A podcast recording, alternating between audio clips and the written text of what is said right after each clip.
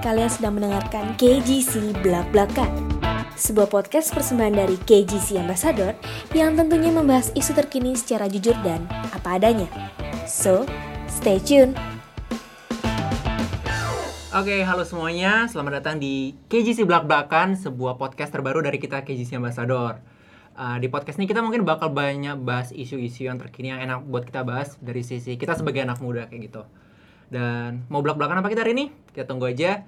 Dan bersama saya, perkenalkan di sini. Oh iya, perkenalkan yang belum tahu nama saya Samuel. Di sini saya sebagai host untuk episode kali ini. Dan bersama saya juga ada kakak kita tercinta, ada Kak Agusto. Hai Auto. Sam, hai Halo. Kejisian. Dan juga ada Cici kita yang tersayang, ada Cici. Hai guys, halo halo saya. Oke, gimana kabar kalian? Ini kita udah lama sekali nggak ketemu. Ah, hampir kurang lebih tiga bulan Betul, ya, hampir udah- tiga bulan. iya. Tanggal, tanggal 15 ini udah pas genap tiga bulan kita nggak Hmm. ketemu. Dan Udah lama Iya. banget ya kita Lama ya. banget, dan- Tiga bulan. gimana kabarnya Ini- kalian? Ya. Aku sih selama ini kita udah masuk PSBB jilid 2 kan? Di mana? Jilid dua apa jilid tiga? Jilid tiga dong. Jilid tiga? Iya. Jilid tiga ya. Nah, apalagi udah jilid 3. Aku maksudku kayak udah berapa lama gitu di di rumah aja. Eh bentar, gue belum kayak- ini, gue belum ngomong apa kabar nih. Gila ini kita datangkan langsung dari Jakarta loh ya. Oke, gua gua dari dari. Eh udah, udah, udah. Halo.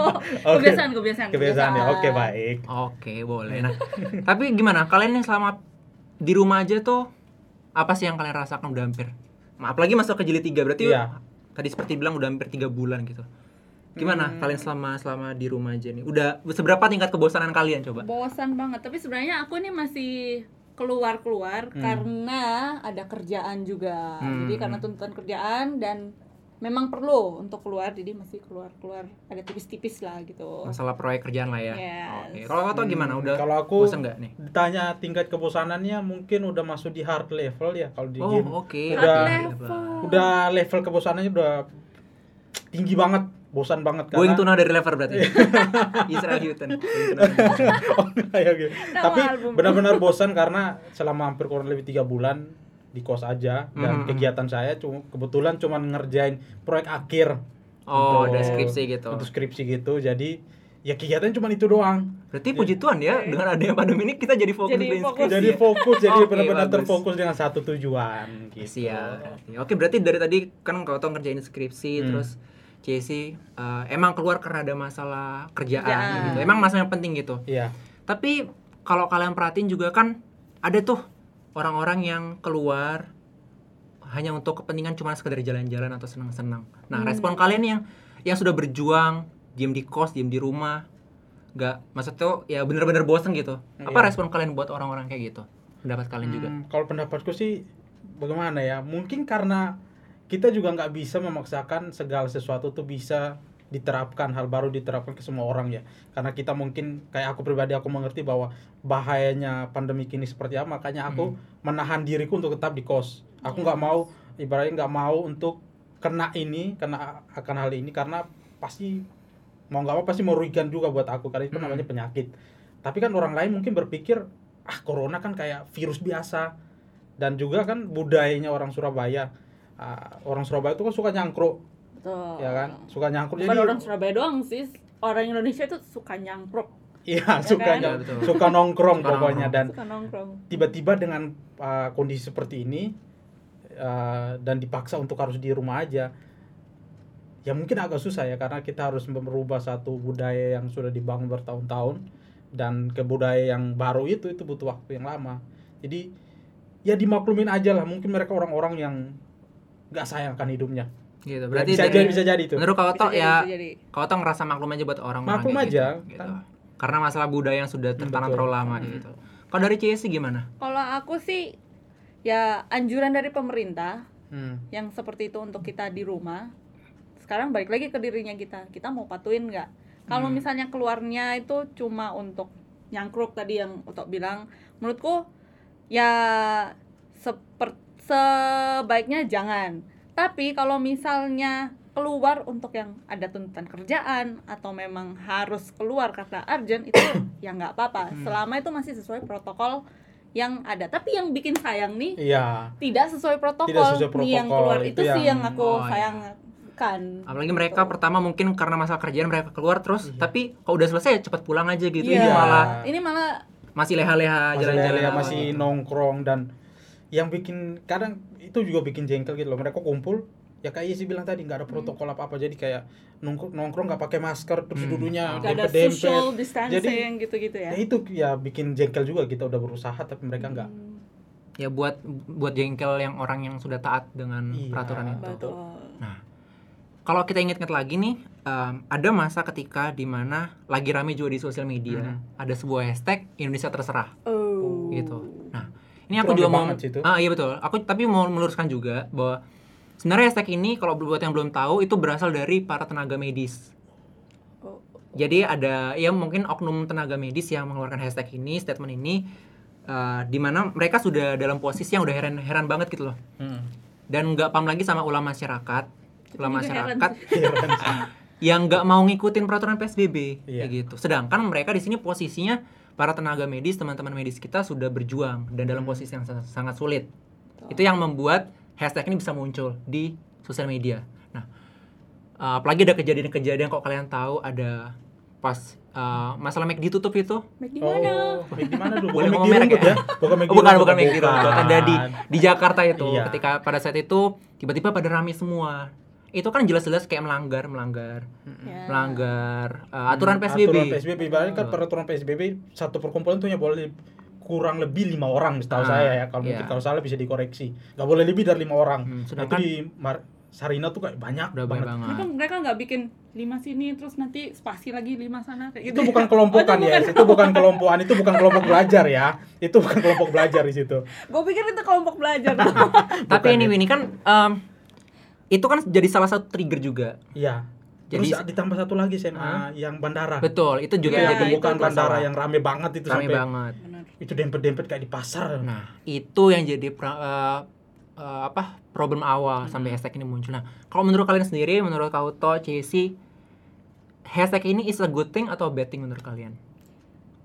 Kalau misalnya buruk atau enggaknya itu sebenarnya tergantung sudut pandangnya kita lagi. Kita mau ngambil ini sebagai sisi yang buruk atau sisi yang enggak. Tapi Hmm, sebenarnya itu ya. Ya, tapi semua orang punya boleh punya pendapatnya masing-masing Hmm. kan. Dari ini kan dari sisi para Tenaga medis. tenaga medis Hmm, kan. hmm. Mereka melihatnya ini eh, apa? Kok orang Indonesia kayak gitu. Tapi sebenarnya untuk Indonesia terserahnya juga ini ya aku nggak bisa bilang ini baik atau enggak. Kalau secara ini eh jelas ya, misalkan dengan kondisi seperti ta- tadi tak kita kasih tahu kalau ya emang tenaga medis lagi masalah susah, masalah Hmm. masalah sulit.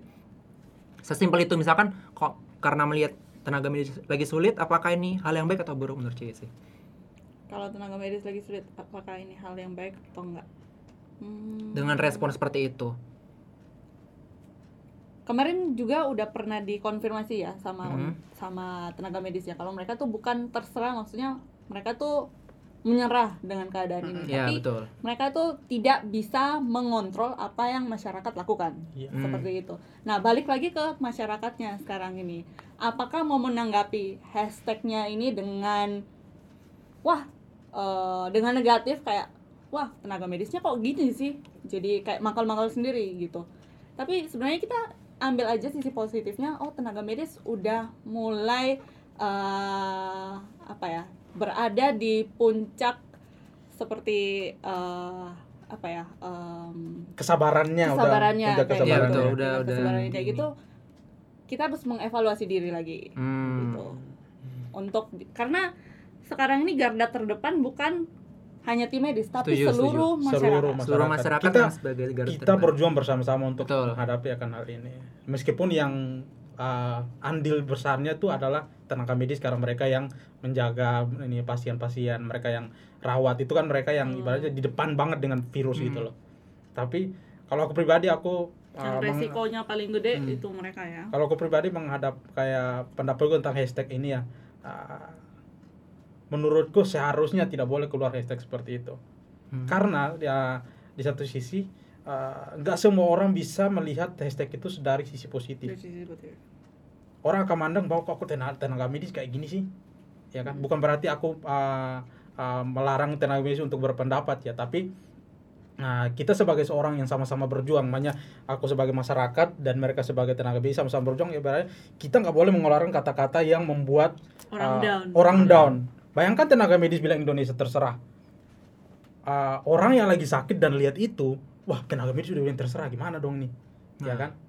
Nah, harusnya menurutku kalau aku pribadi harusnya hashtag itu nggak boleh keluar. Karena apa? Itu membuat orang uh, jadi menyerah dengan keadaan seperti ini. Nah, itu. Oke, tapi itu sebenarnya sudah sudah diluruskan juga tadi seperti kata Cesi bahwa uh, ada juga tenaga medis yang ditanyakan oleh uh, jurnalis lah kayak gitu Hmm. bahwa Indonesia terserah nih emang bener-bener kalian terserah maksudnya udah angkat tangan putus asa Hmm. putus asa atau gimana nah tapi dari pendapat medis sendiri juga ya ini bukan bukan maksudnya bener-bener putus asa tapi karena mereka sudah ya sudahlah uh, kita sudah laku- lakukan yang terbaik terserah mau uh, mau masyarakat itu mau ikut taat atau enggak itu dikembali lagi dikembalikan Iya. lagi ke Ke masyarakat. tanggung jawab Iya. masing-masing masyarakat kayak gitu nah jadi apa ada tambahan kau Tok? Kalau aku sih, aku mengapresiasi banget. Makanya aku berpendapat seperti itu bukan berarti aku nggak setuju dengan uh, pendapatnya tenaga medis, tapi aku mengapresiasi uh, apa yang sudah tenaga medis lakukan sampai saat ini. Bayangkan tiga bulan mereka di rumah sakit, ada yang nggak bisa ketemu keluarga, nggak pulang. Itu perasaannya itu mungkin mereka mengeluarkan itu dengan kayak gitu Iya, perasaannya di hashtagnya itu. Karena mungkin mereka udah nggak salah satu curhatan salah satu hati ya. curhatannya. Tapi kalau menurut aku pribadi nggak boleh seperti itu. Gitu loh. Shout Justru di juga, saat di hah? saat-saat seperti ini kita harus saling menguatkan dalam bentuk Hmm. hashtag atau apa pun itu saling menguatkan bukan membuat down. Hmm. Hormat juga buat teman kita, uh, Komik, Iya. yang sebagai Hormat. tenaga medis, tenaga medis yang sudah berjuang. Thank Iya. you Komik. Yeah, tetap Mike. tetap semangat, Tetap semangat, kesehatan. tetap semangat Mike. Tuhan memberkati. Nah, itu kan tadi udah dapat tanggapan dari Kauto dari Hmm. CSI. Terus ini kita juga sempat sempat melontarkan uh, apa namanya? ini boleh minum nggak Oh silakan. silakan. Ini kita di Pen- sponsor pendapat Nggak pendapat ada, tim kita nggak Oh nggak disponsor ya? Oh iya oke. Masa masih aja sih. Ini dibeli sama timnya, tim kreatifnya Ya, ya. thank you buat Thank semua yang you, sudah di sini. Kok yang nggak tahu ada banyak, bukan banyak sih, beberapa orang yang penting di sini yang membantu kita untuk. ada Pak Jokowi nggak di sini Jadi, oke kita kembali lagi. Jadi kita di saat berapa hari lalu ya, udah udah nanya gitu di Instagram melalui story KGC Ambassador, naik pendapat pendapat tentang hashtag ini eh, dari teman-teman atau dari follower dari IG-nya KGC Ambassador. Nah di sini ada beberapa tanggapan ya. Dibilang kalau hashtag ini tuh sebenarnya ya sebuah respon di mana tenaga medis sudah mulai capek. Iya, Gitu. betul. Ya. Jadi se- seakan membiarkan mereka yang dalam tanda kutip bodoh untuk belajar sendiri. Kalau nggak mau patuh ya akan kena dampaknya sendiri. Nah, menurut kalian dengan pendapat teman kita nih gimana? Itu ada benarnya Sam. Ka, apa pendapat seperti itu benar banget karena uh, ini aku pernah lihat di satu ada satu uh, selebgram dia sempat bilang bahwa Indonesia masuk di uh, di zona selebgramnya cewek apa cowok cowok. oh oke Hmm, karena salah yang main di dia- banget nih. Iya. tahu aja. lo enggak kan di sini ada Jadi dia bilang gini bahwa Indonesia sedang masuk di tahap yang namanya dancing. dancing what is Dancing dancing, itu di mana uh, kurva kalau nggak salah ya kalau teman-teman mungkin ada yang uh, nggak setuju dengan pendapat saya bisa koreksi kalau memang salah. Hmm. Di mana Indonesia masuk di kurva uh, kurva COVID-nya tuh naik turun. Jadi naik turun naik turun naik turun gitu loh. Itu namanya zona dancing. Nah, Oke. mungkin yang kita hadapi saat itu seperti ini karena mungkin masyarakat udah bosan di rumah terus ya udah kayak tenaga medis bilang ya udah terserah kalian kalau kalian kena ya kena gitu loh dan ya dibiarkan aja sudah Oke. Hmm. Kalau Cesi ada tambahan? Menurut Cesi tanggapannya gimana? Apa benar-benar ini setuju dengan bahwa ya udah seakan-akan membuat mereka yang bodoh itu Hmm. yang mau kena ya terserah kalian kayak gitu. Gimana kalau Cesi ada tanggapan? Kalau menurutku sih, apalagi misalnya itu eh, orang-orang selama misalnya itu orang-orang terdekatnya kita yang apalagi orang-orang terdekatnya kita yang bilang kayak gitu misalnya atau melakukan hal yang seperti itu Hmm. sebaiknya kita tegur. ya itu betul Tetap ditegur. Hmm. Jangan dibiarkan. Iya. Karena sesuatu terjadi itu karena kita membiarkan. Hmm. Kalau misalnya kita tidak eh, kalau memang kita care akan orang itu, ya kita tegur lah. Kalau misalnya dia ini bukan orang yang yang dekat sama kita atau apa, ya kita nggak bisa ngapa-ngapain. Tapi kalau Hmm. misalnya dia orang dekat, tegur lah. Oke. Nah, terus ada lagi nih eh, tanggapan dari teman kita yang lain bahwa hashtag ini sebenarnya sebagai sebatas ungkapan aja ngelihat kondisi dari satu sudut pandang yaitu kesehatan. Hmm. Sedangkan ada juga kondisi lain yang dihadapi bukan hanya masalah kesehatan aja yaitu ada sosial, ekonomi, kesejahteraan dan lain-lain. Nah, menurut kalian gimana bayar itu? cicilan coy Kalau dilihat dari lu bayar kos nggak bayar bayar dong, sekolah bayar dong. Aku pikir sekolah gratis. Oke, gimana tanggapan kalian ini? ada potongan lagi. Emang sih, emang kan kelihatannya karena ini uh, dari tenaga medis Hmm. ya, mungkin terlihat ini dari sisi kesehatan aja. Iya. Gitu. Kalau kita mau lihat dari segala sisi, semua orang bisa bisa punya kesempatan untuk berko, punya komplain dengan keadaan ini. Dari sisi ekonomi yang punya usaha komplain, Hmm, hmm. kenapa kita di apa pa- disuruh tutup, ya kan? Terus kenapa Ya. karyawan nggak boleh masuk full? Itu kan bisa di bisa semua orang bisa untuk mengeluarkan pendapat. Karena semua ibarat pandemik ini bukan cuma kesehatan yang kena, semua, Semua aspek kena. Aspek aspek. kena. Hmm, I jadi see, I see. jadi semua aspek jadi semua orang berhak untuk komplain semua orang berhak untuk mengeluarkan pendapat tapi dari aku pribadi uh, kita nggak bisa menyalahkan keadaan ini karena nggak ada yang orang bisa kontrol pandemi ini nggak ada orang yang tahu bahwa virus ini datang kapan Hmm. dan Yes. sebenarnya responnya kita tuh nggak boleh seperti itu kita harus lebih fleksibel sebenarnya Iya. untuk segala sesuatu yang datang di kehidupannya kita ya betul Hmm. dan uh, harusnya responnya kita tuh harusnya positif Ah. kita nggak boleh untuk saling menjatuhkan kayak uh, mungkin uh, contoh ini aku ambil dari tim medis minta maaf ya ini cuman karena contohnya kita maaf. maaf banget Maaf. maaf banget jadi uh, apa uh, aku ambil contoh dari tim medis bahwa mereka mengeluarkan hashtag seperti itu ya contoh orang yang orang ekonomi ini yang apa pekerjaannya di bidang ekonomi dan Hmm. jasa atau apa mereka bisa komplain loh kamu kok kayak gitu kita juga merasakan loh Hmm. Iya kan Hmm. bayangkan kalau orang yang ini punya usaha makanan ya udah kalau kalian bilang kayak gitu ya aku nggak bikin usaha makanan nah ya opo ya kan Hmm. Nah, bisa jadi masa itu masalah yang masalah yang besar. Jadi semua tuh kembali ke respon. oh, respon dari Respon. masyarakat kita Respon dari masyarakat itu di penting. bidang masing-masing gitu bidang ya. masing-masing. Yap. Semua orang berhak untuk Betul. bisa komplain akan Ah. hal ini. Nah, ada lagi nih tanggapan dari teman kita yang lain. Atau menurut CSI kayak apa? Dibilang reaksi pemerintah atas pandemi ini cukup lambat dan ditambah masyarakat yang tidak kooperatif. Jadi hasilnya ya lamban kelar kayak gitu. Ya, sebenarnya kita tidak ada yang dipersiapkan untuk masalah kayak gini ya. Hmm, Pemerintah pasti, pun pasti. ini kan eh, apa?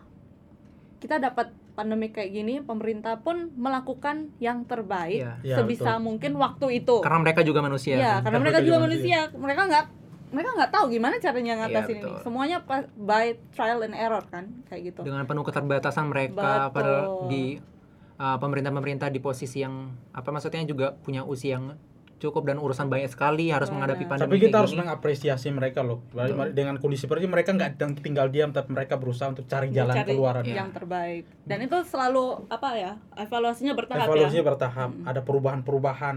Dan Betul. mungkin itu malah jadi bikin kok Iya. pemerintah kayak galau gitu. Ternyata tapi ternyata menurutku pemerintah tuh mengevaluasi apa keputusan Apa yang yang keputusan mereka yang diambil betul itu. ambil Hmm. untuk sesuatu yang lebih baik lagi ke depan. Hmm. Itu kayak istilahnya gini loh, kayak satu ke, kita kan kayak Yesi bilang aku setuju banget bahwa kita nggak ada yang dipersiapkan untuk menghadapi akan hal ini. Semua orang, Yes. kita pribadi nggak pernah disiapkan Hmm. untuk menghadapi akan hal ini dan kita harus mencoba segala sesuatu untuk mendapat jalan keluar yang terbaik untuk kita semua.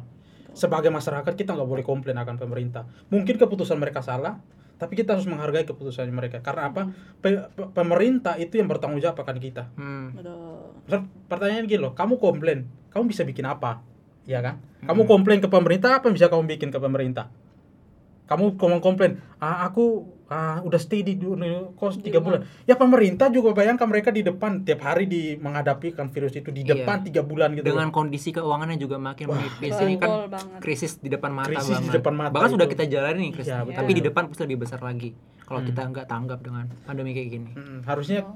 Aku dengan respon seperti itu harus kita sebagai masyarakat kita harus menghormati dan meng, Pasti. um, Mendukung. melakukan jadi Ya. mendukung ya pemerintah mau melakukan satu peraturan kayak gini kebijakan ini kita lihat oh ini kebijakan bagus atau enggak kalau bagus kita lakukan Hmm. gitu Oke, Cici ada tanggapan tambahan mungkin?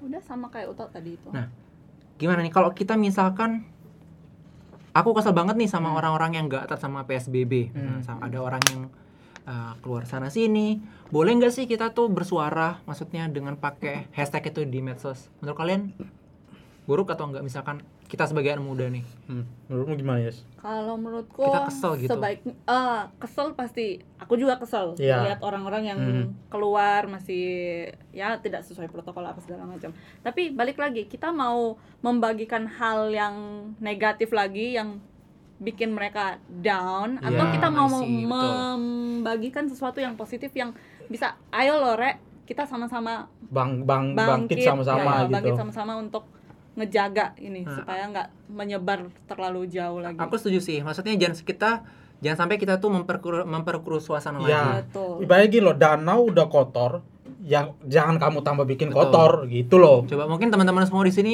beberapa saat lalu tuh pasti ngelihat sosial media tuh penuh dengan hal-hal yang membuat kita kok gini sih kok nggak selesai-selesai pandemi ini nah jangan sampai kita tambahin lagi Kita ya kayak gitu ya Kok jadi gini sih? Kayak gini sih. Ah, ya sudah maksudnya kita serahkan eh, semua dengan kepada pihak yang sudah punya tanggung jawab yang itu dikasih ke nih kepercayaan betul gitu. dan kita lakukan yang terbaik Iya. sebagai pem- eh, masyarakat yang taat sebagai warga yang taat gitu Benar.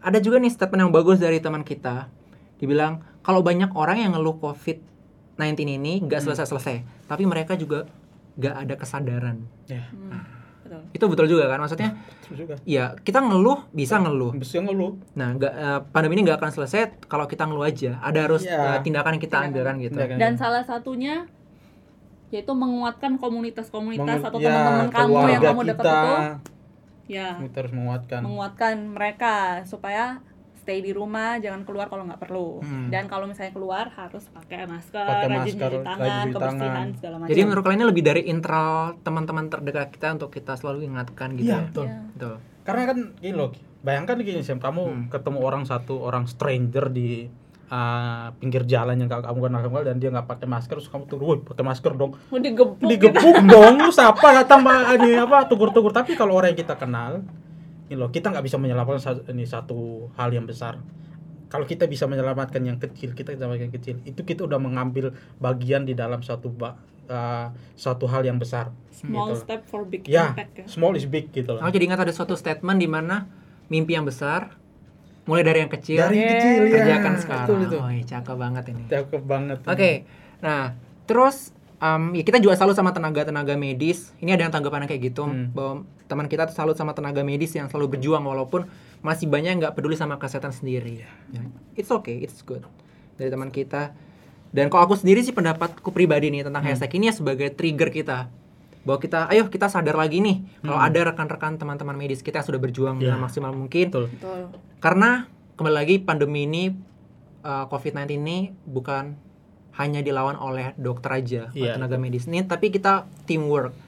Bagaimana kita bekerja Ya. sama antara satu semua lapisan masyarakat, pemerintah sudah berjuang, tenaga medis berjuang, kita sebagai masyarakat, sebagai anak muda juga terutama, Hmm. kita harus dukung ini, kita harus uh, gimana agar kita nggak mengutamakan ego kita, kepentingan pribadi kita. Betul, Yes. betul. Jadi Betul. aku sendiri belajar bahwa pandemi ini juga membuat kita harus jangan mementingkan ego kita, kepentingan pribadi kita kita tempatkan dalam posisi eh, porsi yang sesuai. Jangan Tapi kalau kita Iya. lihat dari apa ya uh, sisi positifnya banyak Hmm. kita menghadap uh, lihat sisi positifnya pandemik ini bukan dari sisi, sisi yang lain ya.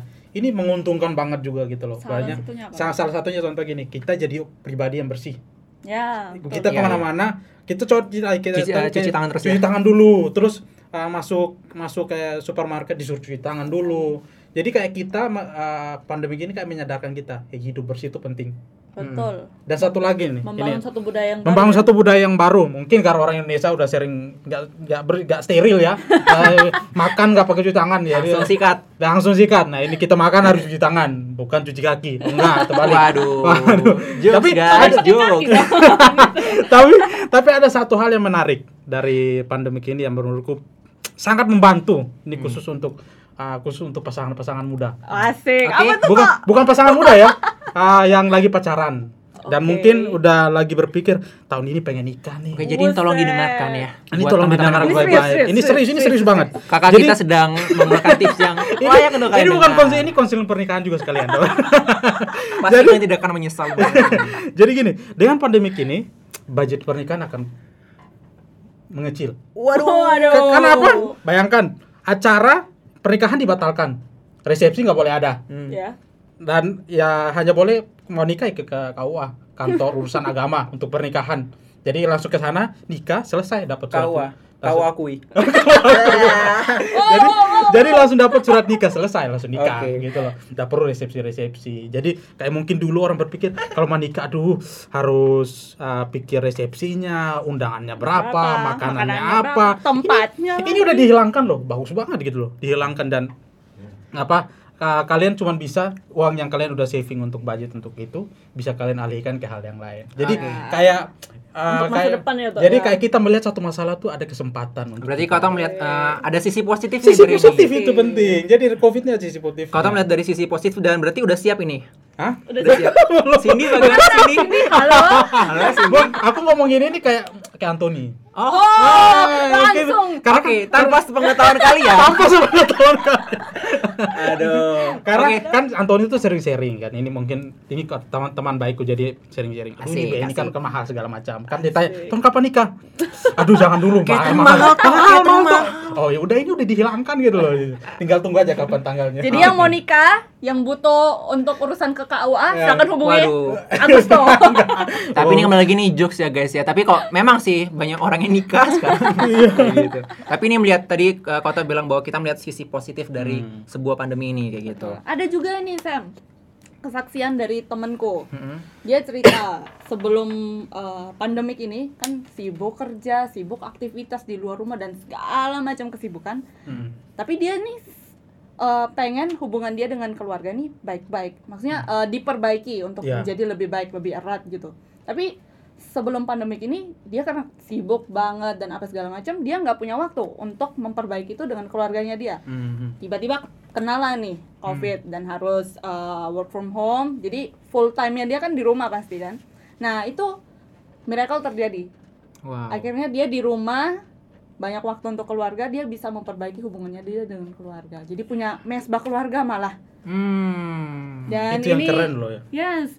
Dibalik semua hal-hal mungkin di news yang kita dengar negatif soal Aha. covid apa segala macam ternyata ada hal-hal miracle yang Tuhan bikin loh ya Berarti Tuhan juga Bisa pasti bekerja melalui makanya kondisi gini loh kita ini. harus lihat dari segala sesuatu yang terjadi dalam kehidupan kita kan kan kita tahu bahwa Tuhan kita itu alfa dan omega Ya. Hmm. jadi pasti kalau di alfa dan di omega di awal dan akhir dia tahu dong kalau di tahun segini akan terjadi seperti ini Pasti. Betul. dan gak mungkin dia akan meninggalkan kita kita sebagai anak Tuhan kita harus positif juga bahwa kita punya Tuhan yang besar dari penyakit ini dari virus Amin. ini betul Amin. Ya kan? Amin Pastor Agustus.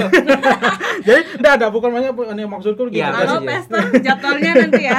Jadi maksudku gini bahwa kita sebagai anak Tuhan, oke kita boleh khawatir segala macam karena mungkin dengan kondisi seperti ini kita wajar Ya, untuk secara khawatir. manusia kita pasti secara khawatir. manusia kita takut wajar, tapi, Tapi ingat bahwa kita punya Tuhan. Dan kalau kita takut Yes. dan kita khawatir itu berarti kita nggak percaya kalau ada Tuhan. Mm, mm. Padahal ibaratnya gini loh, God is on control. siap. Oke, jadi Tuhan tuh ada lagi ada lagi mengontrol kita gitu loh. Ya. Gitu loh. Dan aku pasti aku sangat sangat tertarik satu quotes yang dikasih sama pastornya kita Anthony dia bilang gini. Asik. Dulu waktu sebelum ada pandemik dia eh, apa? eh, waktu disuruh saat teduh ya kan dia bilang aduh nggak punya waktu banyak kerjaan ini sekarang eh, banyak waktunya terus kemasa kita mau komplain lagi kan Ah, iya. berarti kita harus sekarang Tuhan kasih kita banyak waktu untuk dengan dia gitu Berarti apa pun yang terjadi tetap Tuhan yang baik ya. Betul. Iya, tetap Tuhan baik. Itu kayak Lagu satu dong. Lagu ya. itu tuh KJ Surabaya? Oh. Tetap Tuhan yang baik memang. Memang. Dalam pandemi ini eh, apa pun yang terjadi tetap Tuhan kita Tuhan yang baik. TTYB TTYB. Hashtag. oh Oke. hashtag TTYB Jadi eh, buat teman-teman semua, ini floor director kita sudah ngasih kode bahwa Hmm. Iya. kita sudah Harus seharusnya closing. closing ya Jadi kembali lagi bahwa em, COVID-19 ini, pandemi ini mengajarkan kita bahwa kita em, harus sadar bahwa ada Tuhan di samping kita, ada Iya. ada Tuhan yang di mana dia adalah Alpha dan Omega, dia yang dia yang sudah bers- eh, bersama dengan kita dan jangan sampai kita merasa khawatir dan terlebih lagi kita harus juga mengasihi sesama kita. Iya. Dengan cara kita stay at home itu termasuk mengasihi sama kita. Kita nggak menyebarkan atau memperlu eh, memperbanyak kemungkinan kasus ini melonjak ya kayak gitu. Ya. jadi mungkin thank you so much buat Kauto sama Cici thank, Thank you juga Sam. udah Thank you berlomba bareng-bareng. thank you untuk tim tim. udah ya undang-undang kita tim yang sangat terbatas karena PSBB ini ya Ya. thank you so much buat kalian mungkin ada anything else else yang mau kalian tambah Hmm, kalau dari aku pribadi untuk kejisian semua dan Hmm. mungkin siapa pun yang nonton ini eh, belajar untuk kita menghadapi sesuatu dengan sisi dengan positif. Nggak ya, kita nggak bisa melihat segala sesuatu dari negatif karena kalau kita cuma hanya fokus ke hal negatif kita nggak akan pernah maju Betul. karena hal positifnya buat kita maju jadi kayak ada istilah gini loh ah, kita maju dua kita mundur satu ya Asik. dengan kondisi seperti ini kita nggak bisa menyalahkan keadaan kita harus maju meskipun kita maju pelan-pelan Itu tapi bukan harus poco-poco bukan Tapi maju bersama Tapi maju dong. bersama-sama. Asik. Asik. Mungkin ada lagi Cesi mau nambahkan? Eh, kalau dari aku, hmm, apa ya? Kalau dari aku, Ada? aku, aku nggak nyiapin closing. Jadi itu aja mungkin dari kita dan jangan lupa bahwa um, tetap stay at home. Pemerintah sudah mengeluarkan aturan, kita patuh sama pemerintah karena pemerintah sudah juga dipilih sama Tuhan untuk kita taat kepada mereka kayak gitu. Oke. Jadi sekali lagi terima kasih buat you. Kauto Cici buat bincang-bincang you, hari ini dan buat yang mendengarkan mendengarkan juga jangan bosan-bosan kita mungkin nanti ke depan bakal ada lagi episode-episode lain. Oke. Sekian dulu dari kita. God bless you all. God bless you.